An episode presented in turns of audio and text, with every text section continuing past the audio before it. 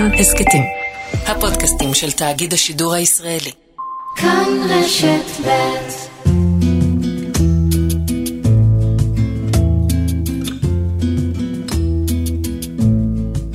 הזיכרון החווייתי הוא מסע מנטלי אחורה בזמן. אותה מערכת מסוגלת לעשות גם מסע מנטלי קדימה בזמן. לדברים טריוויאליים, אני יכול לדמיין לעצמי איך אני אצא מפה עם האוטו מן החנייה, כי אני עומד למטה, או אה, דרך איפה כדאי לי לנסוע, אם לסמוך על הווייז או לא, אבל זה דברים טריוויאליים, אבל יש דברים הרבה יותר חשובים, מסע מנטלי לעתיד, אה, האם כדאי לי לבחור במקצוע הזה או לא במקצוע הזה, אני מדמיין מה קורה.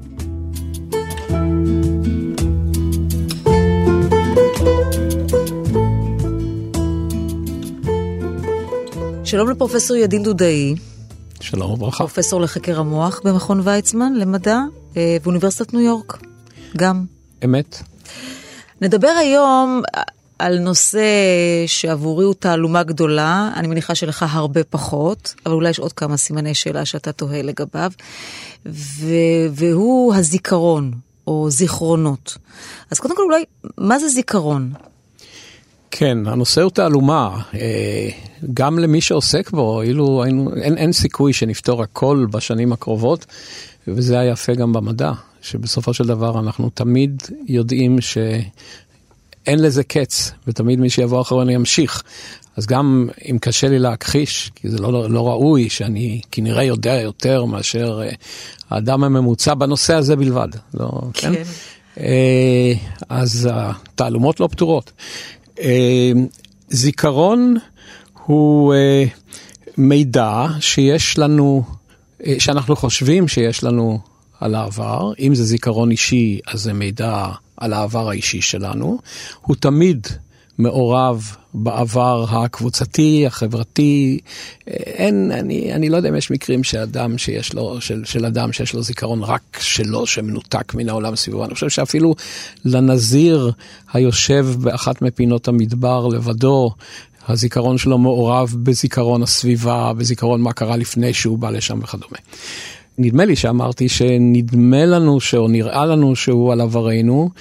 אה, ראוי להדגיש כבר מההתחלה שהזיכרון איננו מבטא, חוץ אולי מעיתים נדירות, את מה שקרה באמת. תכף נגיע לזה, כי זו נקודה בפני עצמה שאני אה, אשמח לשמוע עליה עוד. אבל חלק ממנו, יש אפשרות שהוא בכל זאת העבר שלנו, נכון? או בוודאי. נכון. מה הגיל שלו? כלומר, כמה הכי מוקדם אני יכולה לזכור באמת, ולא משהו שסיפרו לי או שאני חושבת שאני זוכרת? לשאלה הזו יש שתי, שתי תשובות. בניגוד לצבא, שיש שלוש, פה יש שתיים. אבל הן שונות לגמרי, ונדמה לי שאחת מהן אולי לא צפית. אה, מה הגיל שלו התכוונת? מהו הזיכרון האישי הקדום ביותר שאני יכול לזכור על עצמי? Mm-hmm. אני זה אני קולקטיבי פה, לא אני באופן אישי. אני כאדם. ש... אני כאדם. אה, מקובל שאנחנו יכולים לזכור דברים שבצורה מודעת, דברים שהתרחשו אה, החל מסביבות גיל שלוש. עכשיו אני לא מתחיל להתווכח עם אנשים שבאים ואומרים, בגיל שנתיים אני זוכר היטב שגמרתי את הפרק השלישי באוטלו ואני זוכר את זה מצוין. לא, לא, זאת לא הכוונה. הכוונה היא שבממוצע האוכלוסייה, מה שקרה לפני גיל שלוש, give or take, במדע זה כך או תן שנה, אה, הוא לא... כנראה לא הזיכרון של מה שקרה באמת, אלא אנחנו רכשנו אותו. וכאן אני נכנס לפן השני של השאלה שלך, כי אפשר לפרש את השאלה בשתי, בשתי צורות. כשאת אמרת אה, מהו הגיל, התכוונת אה, אה, כנראה, כך פירשתי את זה, ולפי מבע פנייך כנראה שפירשתי במקרה נכון, מהו הזיכרון הראשון, ממתי נובע הזיכרון הראשון, אבל אפשר גם לשאול, ברגע זה נזכרתי במשהו, האם הזיכרון הזה נולד עכשיו, או הוא הזיכרון של מה שקרה בעבר, וזו נקודה מעניינת מבחינה אישית ומבחינה מדעית, כי אם אני אומר לך שחלק ניכר מזיכרון זיכרונותינו האישיים הם זיכרונות שאנחנו עושים להם הבניה. אנחנו עושים רקונסטרוקציה של מה שזכרנו ברגע זה ממש. כשאני שולף אותו, mm-hmm. אז התשובה לשאלה מהו הגיל של הזיכרון היא כבר שונה, כי יכול להיות שהזיכרון, שאם את תשאלי אותי עכשיו אם אני זוכר את היום הראשון שלי נניח בתיכון, כן? אה, האם זה הזיכרון שהוא בין כך וכך שנים, או הזיכרון שאתה נולד, כי לקחתי חומרים מסוימים ובתוך חלק... שניות בניתי מהם סיפור שאני מציג אותו כזיכרון. לכן המשמעות של מה גיל הזיכרון הוא מהו הזיכרון הפרטי הזה, יחידת הזיכרון, ומהו הזיכרון האישי. אבל בשאלת הגיל, אתה אומר, נקבת בגיל שלוש. כן, בערך, כן.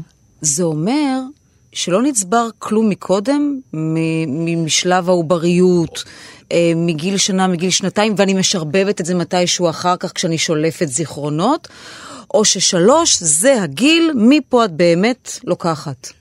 התשובה היא שנצבר הרבה מאוד, אבל ראוי לשים לב, וכאן אה, ראוי לעשות את ההבחנה, מהם סוגי הזיכרון שלנו, ובלי לתת הרצאה מדעית מייגעת. אלה לא האמיתיים או אלה שאנחנו מחלקים בשיחות בינינו? אלה... אה, טווח קצר, טווח...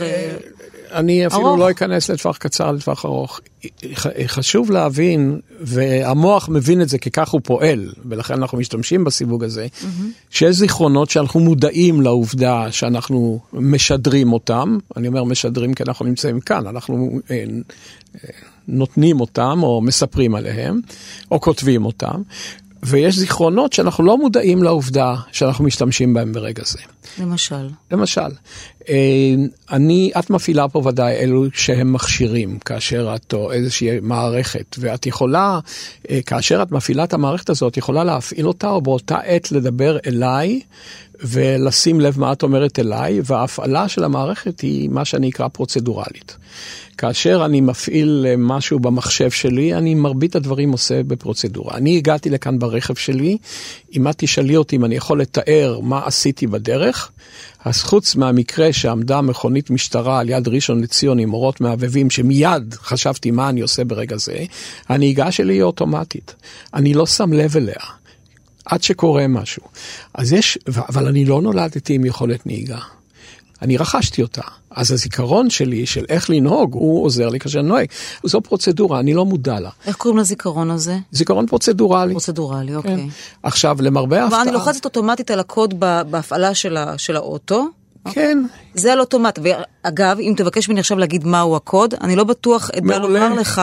מעולה. אבל את, את, את הסדר של הלחיצה אני כנראה יודעת נכון. לעשות. נכון. זו פרוצדורה, אגב, גם אני כך. זו פרוצדורה. וראוי לציין שמרבית הזיכרון שאנחנו משתמשים בו בחיינו הוא זיכרון פרוצדורלי, אנחנו לא מודעים לשימוש בו. אני רוכס את ה... פה אין רכיסה, אני רוכס את הרוכסן של אה, הז'קט הזה או של ה... אני uh, נועל נעל, אני מפעיל את הקוד של האוטו, uh, אני עושה חביתה, כל הדברים הללו הם פרוצדורות. האם פעם עלה על דעתך לחשוב כשאת uh, שוברת ביצה לתוך, uh, את עושה את זה אוטומטית. אני לוקח בכוונה דוגמאות טריוויאליות. אבל אלה זיכרונות משמעותיים? כי מצד אחד אני יכולה לטעון, אני חייבת אותם, את הפעולות האלה, ולכן הם נורא משמעותיים. מצד שני, זו לא איזו חוויה אדירה שאני לוקחת איתי. אז עשית הבחנה הנכונה. אז אה, צריך להבדיל בין מה שהזיכרון, אה, בין אותו סוג זיכרון שבלעדיו איננו יכולים לתפקד כבני אדם, לבין הזיכרון שחשוב לנו. אם את שואלת אנשים, אה, ממה אתה חושש, מאיזה אובדן זיכרון אתה חושש, הם חוששים מאובדן הזיכרון החווייתי שלהם. הזיכרון החווייתי הוא חלק קטן מכלל מערכת הזיכרון שלנו, אבל הוא הזיכרון היקר לנו ביותר. הוא חשוב לנו, זיכרון חיינו. הוא מתווה את אופיינו, הוא מתווה, אנחנו עושים הרבה מאוד דברים בשביל לזכור אותם, אנחנו נהנים. נהנים מהזיכרון וזה גם חשוב לנו, ואני אולי בהמשך אוסיף למה הוא חשוב מבחינה נוספת, שלא תמיד חושבים עליו שהוא חשוב. הזיכרון הזה, הזיכרון החווייתי, הוא הזיכרון שהתכוונתי אליו כאשר אמרתי שאם אנחנו נלך אחורה מתחת, לפני גיל שלוש, קרוב לוודאי שלא נוכל לשלוף זיכרונות חווייתיים, אבל קרו שם המון דברים, מרבית הדברים לדעתי שאנחנו לומדים קורים בגילאים האלה. אנחנו לומדים המון דברים, אבל הם לא נשארים בצורה חווייתית מדויקת. למה? זה שאלה מעניינת. אני ש... צריכה פה לראות מה במוח עושה את הפעולה כן. ואיפה ולהבין למה זה כן, לא? כן, ויש על זה עבודות יפות, אה, כולל של קבוצות שמשתף איתן פעולה, אבל אני לא עובד על זה, אלא שיתוף פעולה נובע מעניין זיכרון בכלל, שבהם מנסים להבין מדוע זה חוויות שמתרחשות בגיל מאוד מוקדם, מה שפרויד קרא אינפנטל אמניזיה, אבל לא הראשון שקרא לזה, כמה שאני זוכר, ובוודאי זה לא אה, הולך רק לכיוון הזה. מדוע יש אמנזיה, אה, אובדן זיכרון, שהוא אה, ב, ב, בתקופת הינקות? עכשיו, אני יכול לתת את ההסבר הנכון לשעה זו, הסבר לשעתו, אה, של היום כל ביטוי צריך להיזהר במה הקונוטציות שלו. אז ההסבר לשעתו הוא שאנחנו חושבים שאותו אזור במוח שאחראי לכך שהמידע יעבור טרנספורמציה לטווח ארוך, mm-hmm. הוא עדיין לא בשל. הוא עדיין לא בשל. הוא מגיע לבשלות בגיל מבוגר יותר, כנראה בסביבות שלוש או ארבע. עכשיו, ראוי לזכור שהרבה מאוד אזורים במוח הם אינם מגיעים לבשלות עד גיל מבוגר מאוד. יש אזורים במוח הקדמי שמקובל היום, אני כמדען אומר כל הזמן שמקובל היום, כי המדע מתקדם, הוא משנה את, לפי העובדות שהוא מוצא ומפתח. מקובל היום שלא מפותחים עד גיל 20-21. רגע, זה נורא מעניין מה שאתה אומר, משום שהנטייה שלנו... לכן לוקחים אנשים לצבא בגיל 18.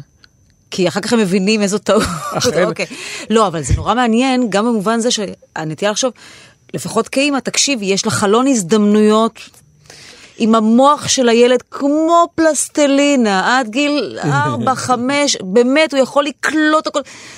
זה, זה, זה חלון ההזדמנויות שלך, ואחר כך, טאק, נסגר. ואתה אומר לא.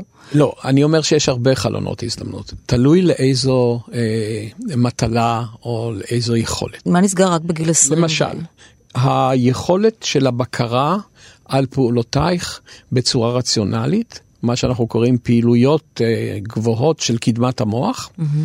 נסגר בסביבות גיל 20. ככה אנחנו מאמינים היום.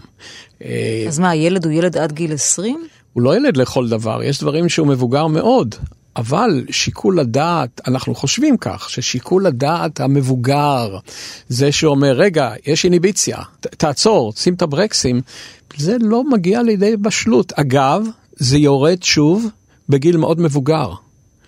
אחת הפגיעות הראשונות במוח שהופך למבוגר מאוד, היא עיבוד יכולת הבקרה הנכונה. ורואים את זה. אני רק רוצה לומר לטובת מי שמצטרפת ומצטרף אלינו עכשיו, שאנחנו משוחחים עם פרופסור ידין דודאי, אה, פרופסור לחקר המוח, אה, במכון ויצמן אה, ובאוניברסיטת ניו יורק, ואני טיפה זה באשמתי, טיפה הסטטתי אותך mm. מסוגי הזיכרון השונים, כי דיברנו על זה השימושי, הפרקטי, ודיברנו על זה החווייתי. זו החלוקה הגסה, או שיש עוד ביניהם תתי זיכרון? יש המון חלוקות, אבל אה, לא, לא, אפילו לא ראוי לזכור אותם אם לא עוסקים בזה. אולי כי אי אפשר לזכור אותם. אפשר, זה לא כל כך נורא. החלוקה שאנחנו עושים בתחום היא בדרך כלל, והיא חלוקה שאנחנו יודעים מראש שהיא לא מדויקת, אבל היא נוחה לעבודה, ואפשר להסביר גם למה.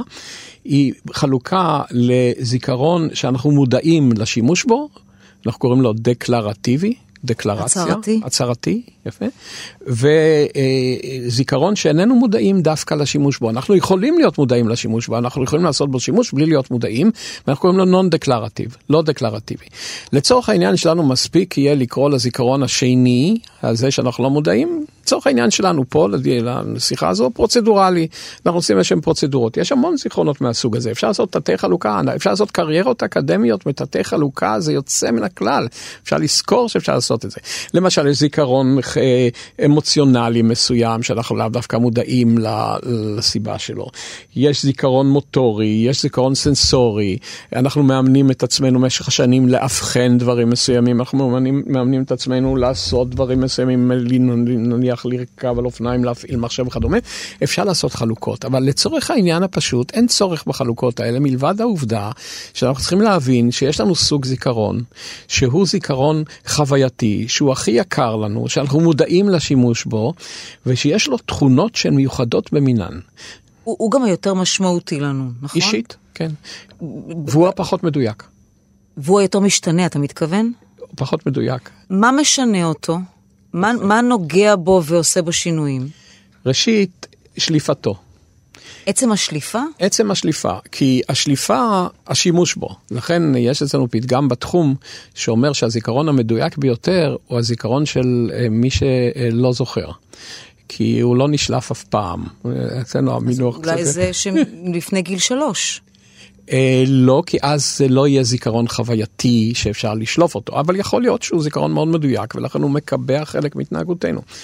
לפני שאני אמשיך, מבקש לעשות צדק להבחנה הנכונה שלך של חלונות הזדמנות. חלונות הזדמנות מותנים ביכולת שאליה את מדברת. אני מניח שמוסיקאי יאמר לי שחלון הזדמנות בשביל לנגן על כינור, אני לא מתמצא בדיוק הזה, כי ניסיון שלי לנגינה על כינור הוא יומיים וחצי והרבה טלק על היד כדי שאני לא אשמיע קולות נוראים בנגינה.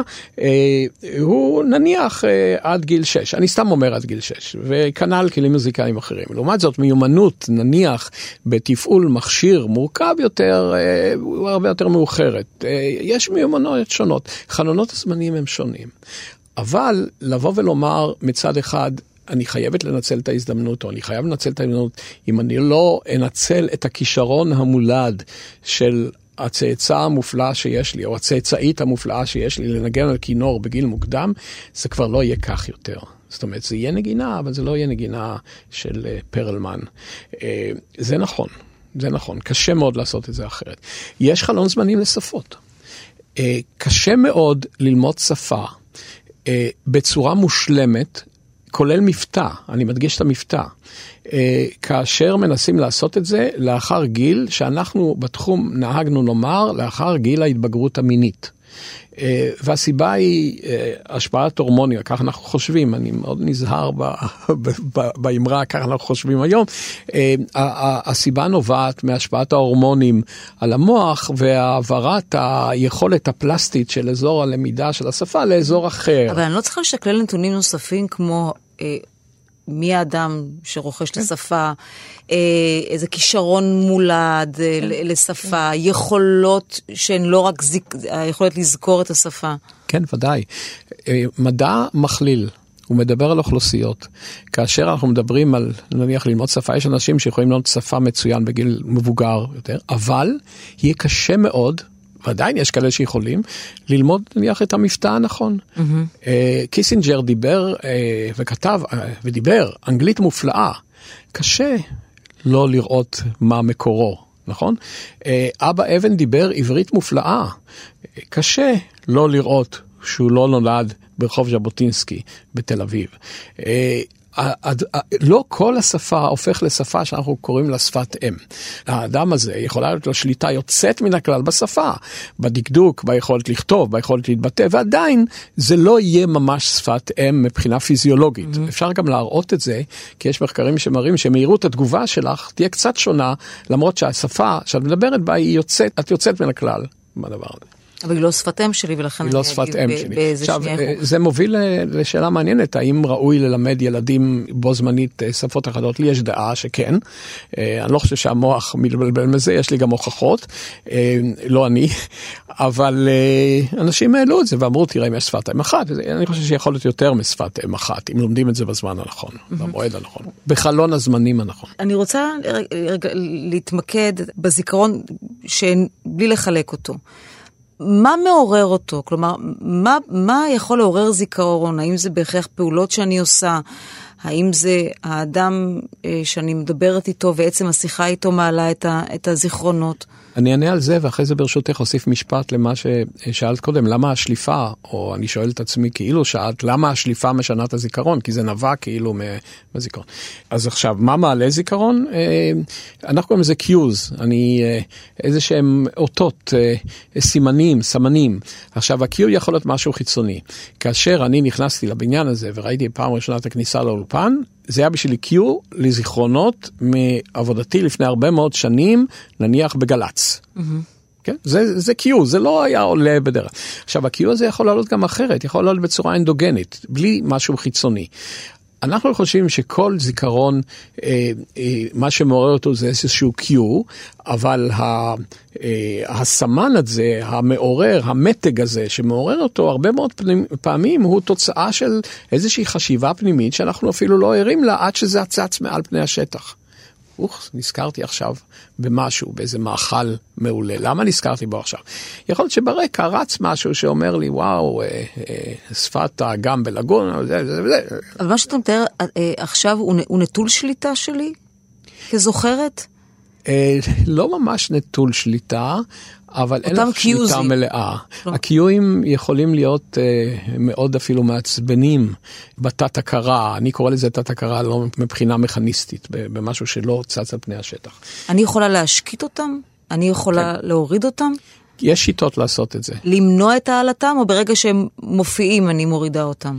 תראי, את, את אה, מביאה אותי פה להבחנה בין מה יודעים על זיכרון במעבדה לבין מה יודעים בזיכרון בחיים אמיתיים, וזה לא תמיד ממש חופף. במעבדה, אני יכול לגרום לזה, לאמן אותך, אה, שאת אה, תדחקי קיואים מסוימים מאיזה מת- אה, אותות, נקרא לזה אות לצורך העניין הזה, אותות, סמנים מסוימים אה, לא יעלו, אבל זה דורש הרבה אימון.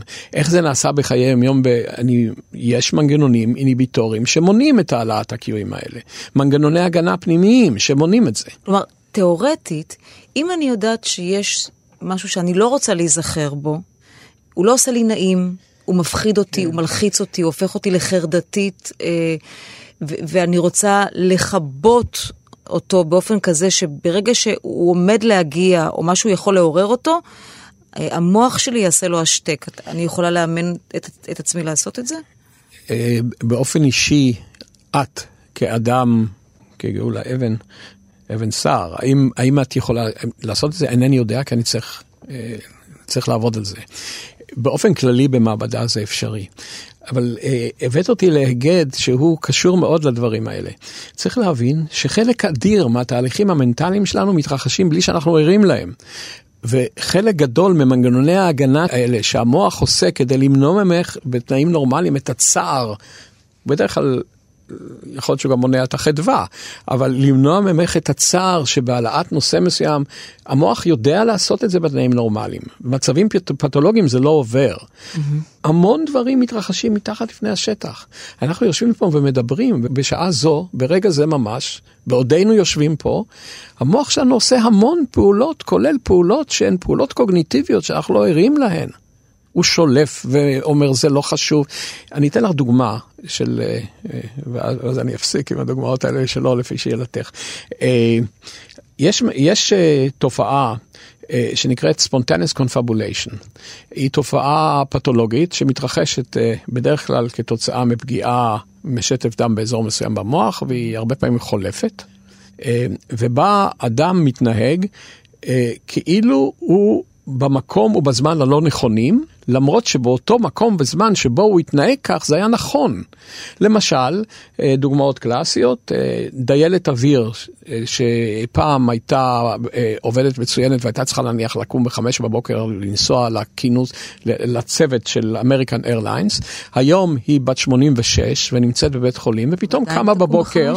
פתאום קמה בבוקר ואומרת, אוי, אני לא מספיקה, אני חייבת להגיע, איפה, איפה המדים שלי ואיפה זה? זה spontaneous confabulation. שם המוח מבלבל, הוא לא עוצר נכון את האינהיביציה, כי בכולנו יכולה לעלות, וודאי עולה התחושה, וואו, אה, את יודעת, הרבה שנים אחרי שהשתחררתי מהצבא, אה, הייתי מוצא את עצמי, שמתי יד איפה הכומתה. כן? אה, המוח יודע לה, להפסיק את הדברים האלה בצורה נורמלית, אחרת זה יהיה מצב מאוד לא נעים שאני אבוא פה וכל הזמן אעשה כך. אה, אז המוח שלנו עושה את התיאום הנכון של הזמן והמקום, ואם איננו יודע לעשות את זה, אז זה בבעיה.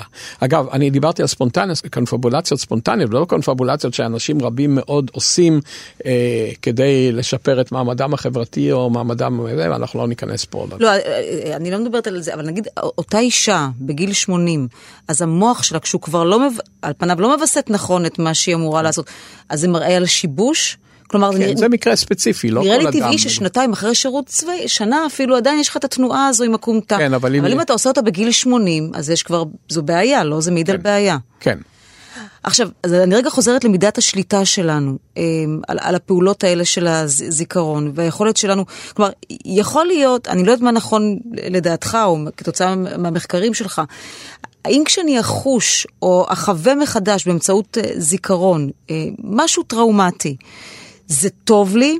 זה טוב למוח שלי לחוות את זה מחדש, או להפך, כדי לתפקד טוב, עדיף שתהיה לי איזושהי פעולה, מנ- מנגנון או אימון שישקיט את אותו כאב, את אותה חרדה, את אותו פוסט-טראומה. את מעלה שאלה מאוד אה, מרכזית שנוגעת לנושא שרציתי לגעת בו, ביקשתי לגעת בו, והוא מה קורה כששולפים את הזיכרון. Mm-hmm. אני אדגיש, אני לא עוסק בקליניקה, אני לא פסיכולוג קליני ואני לא רופא, ואני לא אקח על עצמי את האחריות לבוא ולומר, כדאי שתיזכרי בטראומה או לא שתיזכרי. אבל עכשיו, בהינתן כל הזהירויות האלה, ולכאורה שש פעמים, כי היום צריך לכתוב לכאורה על כל דבר כדי לא ליפול לפח, אה, אני אומר את הדבר הבא.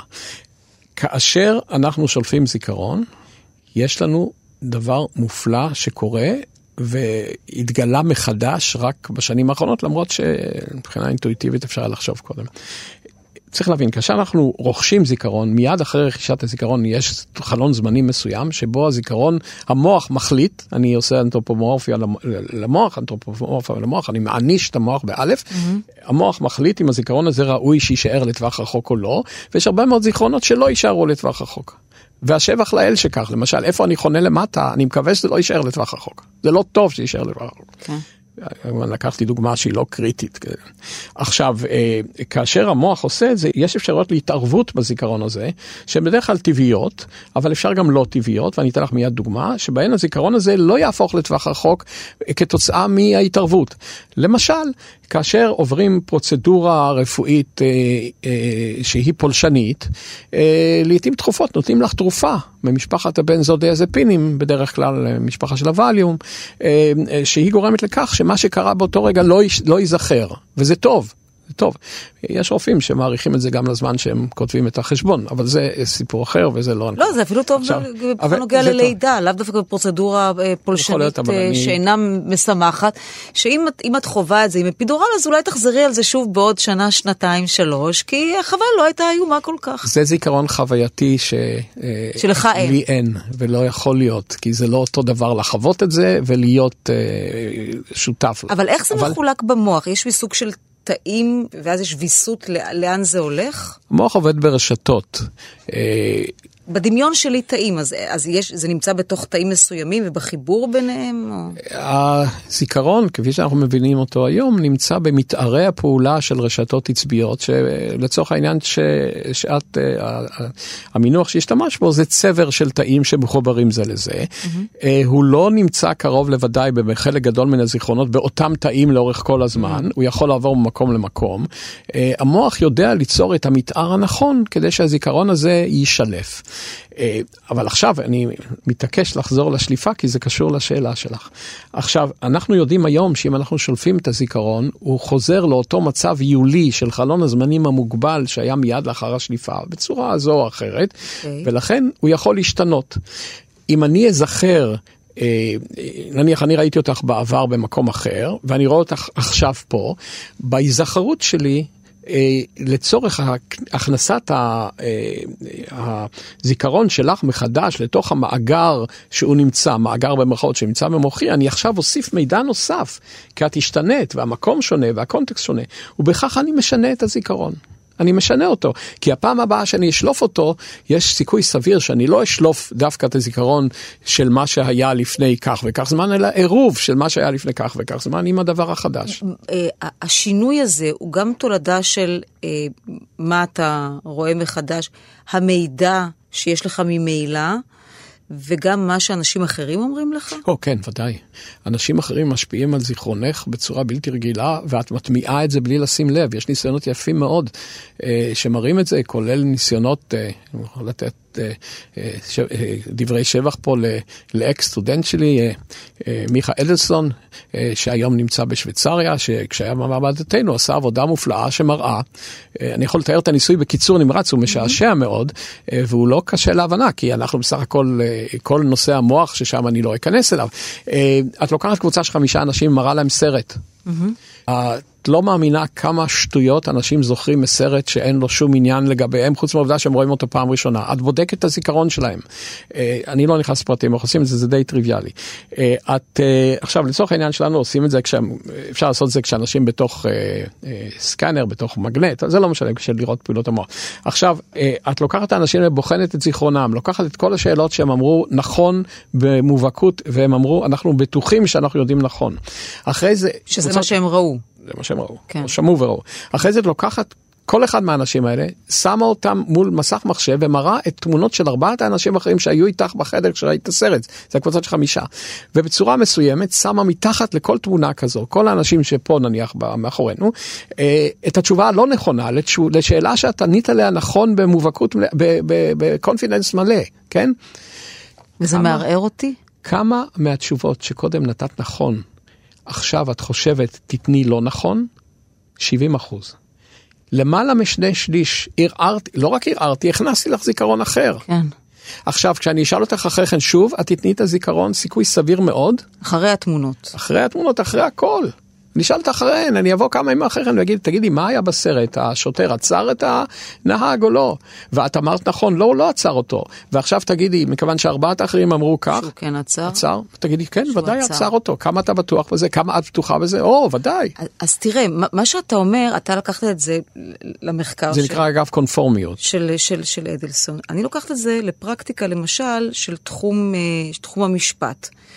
יש עד במשפט. אה. הוא זוכר בזמן החקירה, שנייה אחרי שקרה האירוע, הוא יודע לתאר, או ההוא עמד ככה, וזה עשה לו ככה, ואז הוא ירה, ואז הוא נפל. אבל אחרי, בזמן המשפט, התיאור שלו כבר יהיה שונה. עכשיו, זה לא שהוא שינה גרסה, אבל הזיכרון הוא כבר אחר נוכח מה שתיארת. כל מילה שאמרת עכשיו נכון. אז איך הוא יכול להיחשב לעד מהימן, אבל זה בכלל לא בשליטתו? יש פה אה, בעיה מובנית. יתר על כן, אם תחקרי אני לוקח עכשיו איזה מקרה פלילי לצורך העניין כדי להרחיק את עצמנו מכל דבר אחר. אה, אה, שלא יהיה מוקצה מחמת מיאוס, נושאים אחרים, פלילי לגמרי. Mm-hmm. אם את תתחקרי, את חוקרת אה, שירות ביטחון כללי, ואת מתחקרת אה, אדם שאת חושבת שעשה משהו, mm-hmm. ואת חוזרת על התחקור הלוך ושוב, הלוך ושוב, יש סיכוי סביר שאת תשני את זיכרונו. עכשיו, איך מונים את זה? זה בעיה. לכן על פי שניים עדים יקום דבר, לכן צריך עדויות פיזיות נוספות, עדויות תומכות. נורא קשה לסמוך על אדם בעדות בודדת, בלי עדות מסייעת, שיכולה להיות מטריאלית ולאו דווקא עדות של מישהו אחר.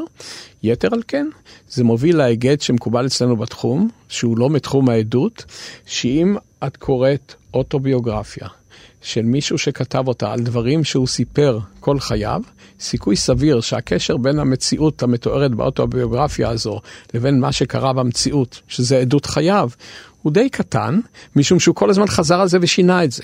יש לי חבר, שלא אזכיר את שמו פה, כי לא ביקשתי רשות, שהיה אלוף הפלות בחיל אוויר, והיה, אחר שעזב את המילואים, התנדב להופיע בפני אה, טייסים, להעביר מורשת קרב ולספר על מעלליו המופלאים. הוא הפסיק, למה הוא הפסיק? כי הוא אמר לי, אני גיליתי שאני מספר את מה שנזכרתי בפעם האחרונה, ולא את מה שקרה באמת. הדברים האלה קורים, ולכן צריך עדות מסייעת, צריך עדות פיזית מסייעת, צריך עדות צולבת, לא קל. עד בודד לא קל, במיוחד אם את מתחקרת אותו הלוך ושוב, ואנשים לא תמיד ערים לזה. אני אה, במהלך הקריירה שלי לא פעם אה, הוזמנתי אה, לתת, אה, לדבר על הדברים בהשתלמויות של שופטים. וזה מאוד חשוב שיבינו את, את המשמעות של ש, מהי עדות. שעד אחד לא רק שלא מהימנות, מספיק, לא רק שלא מספיק. מהי מהימנות, כן, מאוד חשוב. אה, דברים חשובים ביותר לעשות אותם. זה לא צריך לערער את אמוננו בעד, זה צריך רק לומר לנו, אנחנו צריכים עדות, משהו נוסף. מהו המשהו הנוסף הזה שאנחנו זקוקים לו? כן, וזה, וזה, וזה לא מצב שבו הוא, הוא משקר, או לא, מעצים, לא, או מאדיר. לא. או, או מזייף או עושה מניפולציה. אני אומר שוב למי שמצטרף אלינו עכשיו, או כבר שומע אותנו, שאנחנו משוחחים עם פרופסור אה, ידין דודאי, אה, פרופסור לחקר אה, המוח. בעצם מה שאתה מתאר עכשיו הוא, הוא כמו טקסט שאני עורכת מחדש? זה דימוי... באופן לא מודע? זה דימוי יפה. כלומר, עכשיו שימי לב. זה אותו דבר, אבל, אבל ש... זה משויף, זה טיפה אחר. נכון. שימי לב שזה לא חל על מרבית הזיכרונות הפרוצדורליים. זה חל על הזיכרון החווייתי, זה לא חל על מרבית הזיכרונות הפרוצדורליים, ויש לזה סיבה. כי אם את uh, עוסקת uh, uh, uh, במשהו שהוא חיוני לחייך ויומיומי, נניח uh, לדעת, uh, תמיד הולכים אחורה לסוואנות, לדעת uh, לתפוס את הטרף הנכון במהירות הרבה, ויותר טוב שלא תשני אם זה יצליח לך פעם. אבל ברשותך אני רוצה להוסיף, אפשר? Mm-hmm. להוסיף משהו על הזיכרון החווייתי הזה, כי את יכולה לבוא ולשאול, אני כאילו... ממליץ לי על שאלה, ממליץ על אוקיי. שאלה. ממליץ, כן. ממליץ על שאלה, מותר להמליץ על שאלה? בוודאי. תזכרי את זה. את השאלה. כן, את ההמלצה אני גם. את ההמלצה. אה, אנחנו יכולים לבוא ולשאול איך זה קורה שמערכת זיכרון שהיא כל כך חשובה לנו היא לא מדויקת לחלוטין? זה הרי כאילו את לקחת את המחשב הזה שפה לפנייך קנית אותו במיטב כספך את כותבת עליו טקסט שהוא חשוב לך עבדת עליו עכשיו בשעתיים את באה למחרת בבוקר ויש שיבוש הוורד לא נתן לך את מה שכתבת קודם. מה היית עושה? היית לקחת את המחשב הזה ומחזירה אותו מיד לחנות ואפילו מברכת אותם בכל מיני ברכות שמכרו לך את זה. המוח שלנו הוא כזה בזיכרון חווייתי. אנחנו כותבים עליו טקסטים, המציאות כותבת עליו טקסטים, אבל הטקסטים האלה לא נשארים נאמנים בדרך כלל, חוץ ממקרים יוצאים מן הכלל, בדרך כלל למה שנכתב. עכשיו, למה זה קורה? אז פה יש תופעה מאוד מעניינת, אה, תיאוריה או מודל שיש לו הוכחות, אבל כמו כל דבר במדע, הוא מודל נכון לשעתו. למה זה קורה? למה זה קורה? קורה. יפה. אז למה זה קורה? כי נראה שזה מאפשר לנו את הדמיון. מה הזיכרון החווייתי? הזיכרון החווייתי הוא מסע אחורה בזמן, מסע מנטלי אחורה בזמן. אותה מערכת מסוגלת לעשות גם מסע מנטלי קדימה בזמן. אז דמיון הוא העתיד? דמיון העתיד. אני יכול לעשות מסע מנטלי קדימה בזמן, לדברים טריוויאליים, כמו למשל איך אני יוצא מפה, אני יכול לדמיין לעצמי, איך אני יוצא מפה עם האוטו מן החנייה, כי אני עומד למטה ועד שאני אגיע למעלה, או אה, דרך איפה כדאי לי לנסוע, אם לסמוך על הווייז או לא, אבל זה דברים טריוויאליים, אבל יש דברים הרבה יותר חשובים, מסע מנטלי לעתיד, אה, האם כדאי לי לבחור במקצוע הזה או לא במקצוע הזה, אני מדמיין מה קורה. עכשיו, אותה מערכת, פחות או יותר, אני כאן מכליל, כן, זה לא ממש מדויק בפרטי פרטים של המכונה. אותה מערכת שדואגת ליכולותינו לעשות מסע מנטלי לעבר, היא גם המערכת המשרתת. המשרתת את מסע מנטלי לעתיד. מסע מנטלי לעתיד זה דמיון. זה יכולת לא רק לחזות, אה, לצפות בהסתברות מסוימת מה יקרה אם לבצע פעולה מסוימת, ניקח אה, פעולה מסוימת, אלא גם לדמיין לעצמנו מה יהיה, איך וכדומה, ואנחנו גם נהנים מזה, אבל זה גם מביא תועלת בלתי רגילה, וזה, אה, וזו גם אה, תועלת אבולוציונית בלתי רגילה. אבל אין דמיון בלי עבר, בלי תשתית, נכון? או שאני טועה? אני יכולה קשה לדמיין... לי להכליל, אני הייתי מניח ממבט ראשון, בתגובה ראשונה למשפט הנאה הזה, שזה כנראה נכון. קשה לדמיין בלי בסיס של העבר. אני אקח סתם דוגמה.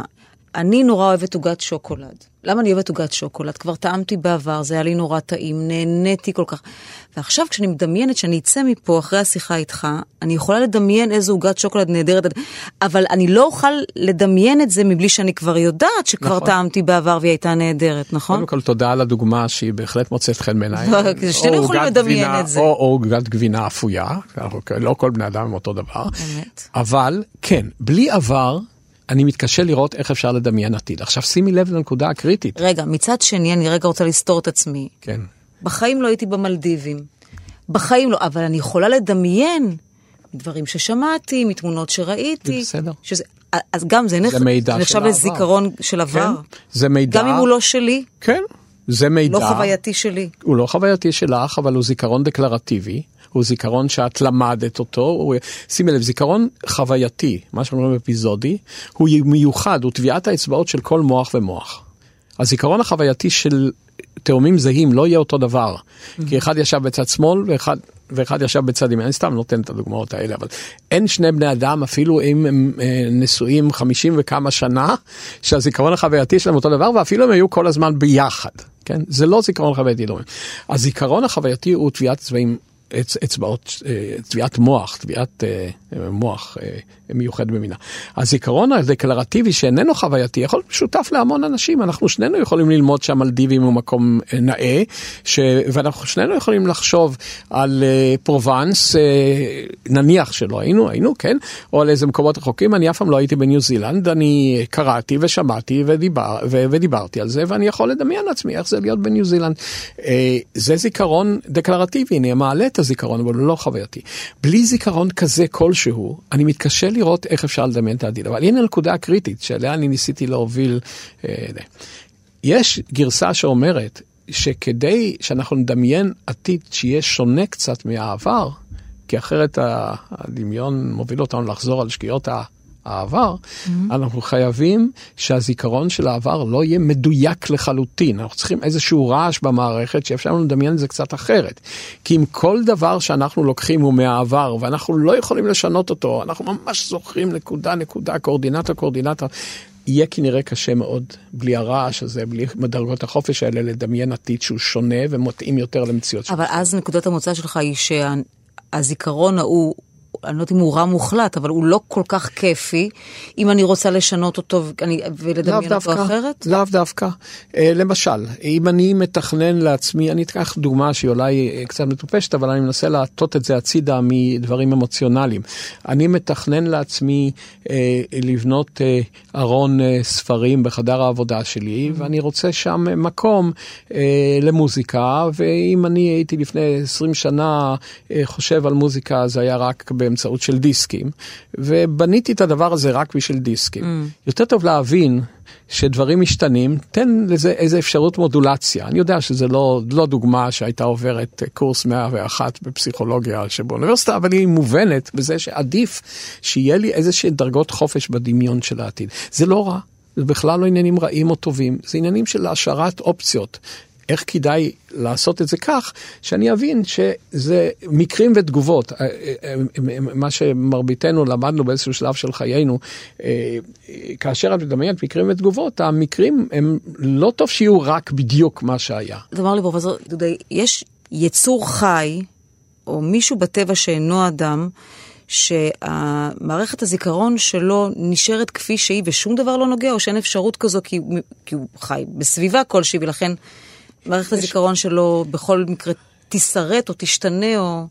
קודם כל יש בעלי חיים שהם אה, קרוב לוודאי קרוב לוודאי זה במדע, אנחנו לא יודעים על איפה, אה, קרוב לוודאי אין להם את יכולת הדמיון לעתיד. זה יתרון של אה, בני אדם, ויכול להיות של בעלי חיים אה, מפותחים אחרים, אולי פרימטים מסוימים, קשה, יש על זה ויכוחים רבים. האם זיכרון אפיזודלי כזה באמת כמות שהוא, עם יכולת ה-re-enactment, יכולת ההחייאה מחדש, קיים אצל בעלי חיים אחרים, וזה לא משנה אם יבוא אליי מישהו ויגיד, הכלב שלי, הוא נזכר בעבר. רואים את זה, כי זה, זה השלכה, זה אנחנו במדע עושים את זה אחרת. אני, בעצם מנסה לשאול מה, מה יותר טוב, האפשרות uh, לדמיין והשינוי הטקסטואלי, או המצב הגולמי שבו, כי הוא, הוא, הוא ליבת הזיכרון, כפי שהיה באמת. התשובה שלי היא די חדה וברורה, המצב שבו הדברים משתנים, שהזיכרון הוא לא מדויק, זה מאפשר לי גם, גם תומך במנגנוני הגנה מסוימים וגם מאפשר לי יצירתיות ודמיון.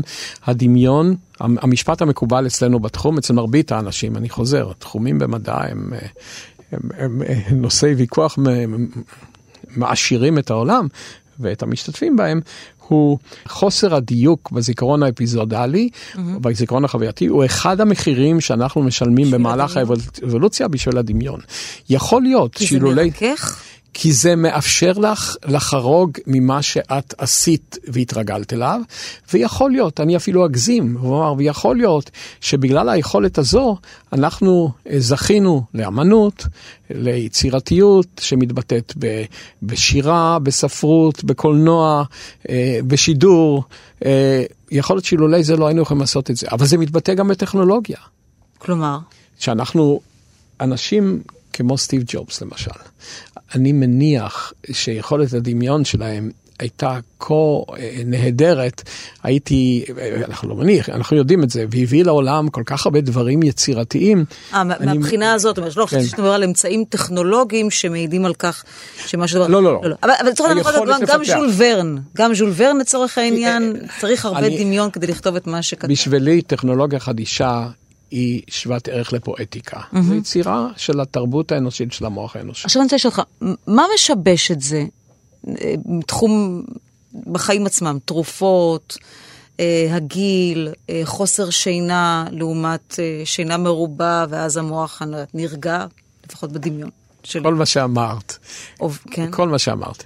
אה, קודם כל, תרופות מסוימות משבשות את הזיכרון. אה, למשל, אה, תלוי, אני שוב אומר, אני לא, כאן לא נותנים עצות רפואיות ואני לא רופא, אבל אני יכול להגיד מנקודת מבט של מחקר, תרופות מסוימות, נניח ממשפחת תרופות מרגיעות, יכולות בהחלט לשבש את הזיכרון, וחלקן משתמשים בזה. אז השאלה מה זה לצמיתות. תו- התועלת אל מול ה... אני מניח שאם אדם מצליח להיפטר מהן, מה שקשה מאוד אם את לוקחת בצורה כרונית סוג מסוים של תרופות, אה, אז אה, אני מניח שיש שיפור, אבל את שואלת אותי פה שאלות שאני צריך לתת להם דאטה, ואני לא עשיתי את הניסוי הזה, ואני לא שלפתי בדקה האחרונה. אתה אומר, יש תרופות שמשבשות את הזיכרון. משתמשים בהם בשביל זה, הזכרנו אחת. כן. משתמשים בתיאוריות האלה של זיכרון. אה, אז זה, ויש גם תרופות אחרות שוודאי עושות clouding לזיכרון, אבל התרופות האלה, למשל משפחת הבנזודיאזפינים, הווליום, הן תרופות ידועות לעניין הזה ומשתמשים בהן לצורך הזה מבחינה רפואית קלינית. עכשיו, אה, חוסר שינה בהחלט. חלק גדול מהיכולת שלנו להפוך זיכרון מקצר טווח לארוך טווח, נעשה בשינה. דבר שאגב היה ידוע עוד במאה הראשונה, אם לא קודם, אחרי הספירה, קווינטיליאן, שהיה מומחה לאורייטור, מומחה ל- לדיבור, כתב ספר מופלא, שבו הוא אומר, תראו איזה יופי. הוא לא כתב תראו איזה יופי, זה אני אומר תראו איזה יופי, התרגום החופשי שלי. אה, אם אדם ישן בין שלמד לבין שנזכר, זיכרונו טוב יותר. בשבילו זה היה תעלומה, איך זה, עם חלוף הזמן הזיכרון נהיה טוב יותר. הוא ציפה שעם חלוף הזמן הזיכרון ישכח. ישכח אה, כף כף, כן. אה, כן, כן, כן. אה, ידעך. ידעך, כן. והוא מצא מניסיונו ומניסיונם של אחרים שלילה של שינה, אנחנו יודעים שזה נכ... עוזר לזיכרון, ואנחנו יודעים שזה נכון לגמרי, אגב, לא רק לזיכרון דקלרטיבי, גם לזיכרון מוטורי.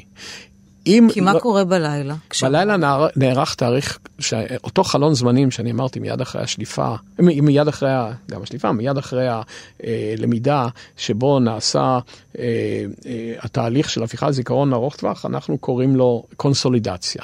שזה אומר מה? אה, קונסולידציה זה מין תהליך של הבשלה, אה, שבו הזיכרון עובר אה, מבחינה כימית ומבחינה חשמלית, הוא עובר שם שינויים מסוימים, אנחנו כאן לא, לשמחתי לא צריך להיכנס אליהם, כי זה ירדים את הקהל מיד ואז הוא יזכור את התוכנית הזו הרבה יותר טוב, אבל אה, התהליך הזה שאנחנו קוראים לצורך העניין תהליך ההבשלה, חלון זמנים של ההבשלה, והוא מוגבל. בשינה חלה הבשלה. למה זה נעשה? יש לנו אפשרויות, אנחנו יכולים להעלות על הדעת למה זה נעשה בשינה. למשל, בשינה המוח יכול לאבד את המידע כאשר הוא מנותק במידה רבה מהסביבה, ולכן הוא יכול להקדיש משאבים לטיפול במידע ולעשות להם כל מיני ברבובים וערבובים. כי אין הפרעות? אין הפרעות וגם לא משפיע על התנהגות. תאר לך שאת עושה את זה כשאת הולכת ברחוב, ואת לא כל כך שמה לב למה קורה סביבך. זה לא, לא ממש בריא, אבל אה, אם את עושה את זה, המוח עושה את זה בשינה, הוא מנתק את עצמו במידה מסוימת מסביבתו, ומקדיש את המשאבים המנטליים שלו כדי לטפל במידע, לשלוף אותו, להכניס אותו למגירות, מרכאות, זה מטאפורות, הנכונות וכדומה וכדומה. אם לא ישנים, התהליך הזה איננו מתבצע. חוסר שינה פוגע ביכולת לקונסולידציה, ואם הוא נהיה כרוני יותר מפעם אחת, אז זה ממש לא טוב. עכשיו, יש מחלות שפוגעות בזה. למשל, יש אה, דעיכת זיכרון שבאה עם הגיל. אה, והיא שונה מאיש לאיש, לכן אמרתי, המדע מדבר בדרך כלל על ממוצעים, אה, שהיא נקרא בניין, זאת אומרת, אה, היא לא מזיקה, היא לא פתולוגית, היא, היא, היא תופעה רגילה של הגיל. אה, אגב, לא כל תופעות הזיכרון דועכות עם הגיל, יש כאלה שהן משתפרות. אלה שלטווח ארוך לפני? אה, למשל, היכולת לעשות הכללות, היא לא יורדת עם הגיל. היכולת להסיק מסקנות, אני מדבר על הכללות של אוכלוסיות, אני לא אומר אדם X ואדם Y, כי כל אדם לעצמו. אז לא כל דבר יורד עם הגיל, אבל יש יכולת אה, לשלוף שהיא יורדת עם הגיל. מכיוון שעוד מעט נגמר לנו הזמן, אה, אני רוצה לשאול אותך, אה, טיפה עליך, לך יש דבר שאתה יודע לומר, זה הזיכרון הראשון שלי? כן, אה, יש לי אה, שניים שלושה זיכרונות כאלה, ואני לא יכול כמדען, והם היו, ואני לא יכול כמדען לומר בצורה מוחלטת לחלוטין, למרות שהתחושה הפנימית שלי היא שזה כך היה, שאני זוכר את זה בגלל שאני חוויתי, או בגלל שחוויתי ועל זה נוספו דברים נוספים. אני יכול לתת לך דוגמה אחת. אה, כשהייתי אה, פעוט, אה, ירו, אה, גרתי ברחוב גדרה בתל אביב, שזה גדרה פינת רבי מאיר, שזה קצה כרם התימנים, ולתוך החדר, חדר השינה שלי, ירו ממגדל חסן בק, וכשחזרתי הביתה על כתפיו של אבי, אני זוכר את הכדורים בקיר מעל המיטה שלי. אם הייתי במיטה, קרוב לוודאי שלא היינו יושבים עכשיו מעלים זיכרונות. Mm-hmm. זה היה בגובה נמוך מעל המיטה, ואת הרגשת החרדה שאופפת את הסביבה. אה, אני זוכר את זה מצוין. אה, אני זוכר זיכרונות מסוג כזה, עוד שניים, שלושה. לאו דווקא, חלק טראומטי, זה איך טראומטי. איך אתה יודע שזה לא משהו שאביך סיפר לך? זה חווייתי מאוד. אז אמרתי, כמדען קשה לי מאוד לומר את זה, אבל זה נראה לי חווייתי מדי, אבל אני לא הייתי שם על זה את עתידי המקצועי. כן. אתה מפחד לא לזכור דברים? אני חושש לא לזכור חוויות מסוימות. כן. לא אכפת לי לאבד אה, יכולות אה, פרוצדורליות, כי אפשר להתגבר עליהן במיוחד בטכנולוגיה הנוכחית. Mm-hmm. אני חושש, אה, אני חושש, זה חשש אה, שאולי הוא לא מיוחד לי, לאבד את היכולת לשלוף חוויות מסוימות, לא את מהירות שליפתן, אלא עצם שליפתן, ואני חושש גם מדבר נוסף, וזה עיבוד האמון שמה שאני שולף, היה לו איזשהו בסיס מציאותי. המעבר משליפה של מידע אישי למידע של קונפבולטורי, אה, לא, האמת היא, אני, אני לא יודע את המילה העברית לקונפבולציה. אני צריך מיד כשיצא מפה להסתכל ב... אבל אתה חושב ש, ש, שמה שאתה זוכר לא בהכרח קרה או קרה כפי שאתה... אני לא חושש עכשיו. אתה חושש שזה יהיה, עלול לקרות. אני חושש מן החשש. כן. אמ, אז אני אאחל לך שלא תחשוש מהחשש, אה, ושתזכור את השיחה שלנו לטובה. או, זה ודאי. אה, ואני מאוד מודה לך שהיית כאן איתנו, פרופסור ידין דודאי, ואני רוצה גם אה, להודות לאלה יגנה, שערכה אותנו, לטכנאי ראובן מן, ולכן לכם, ולכן, שבת שלום. תודה רבה וזיכרונות נעימים. בהחלט.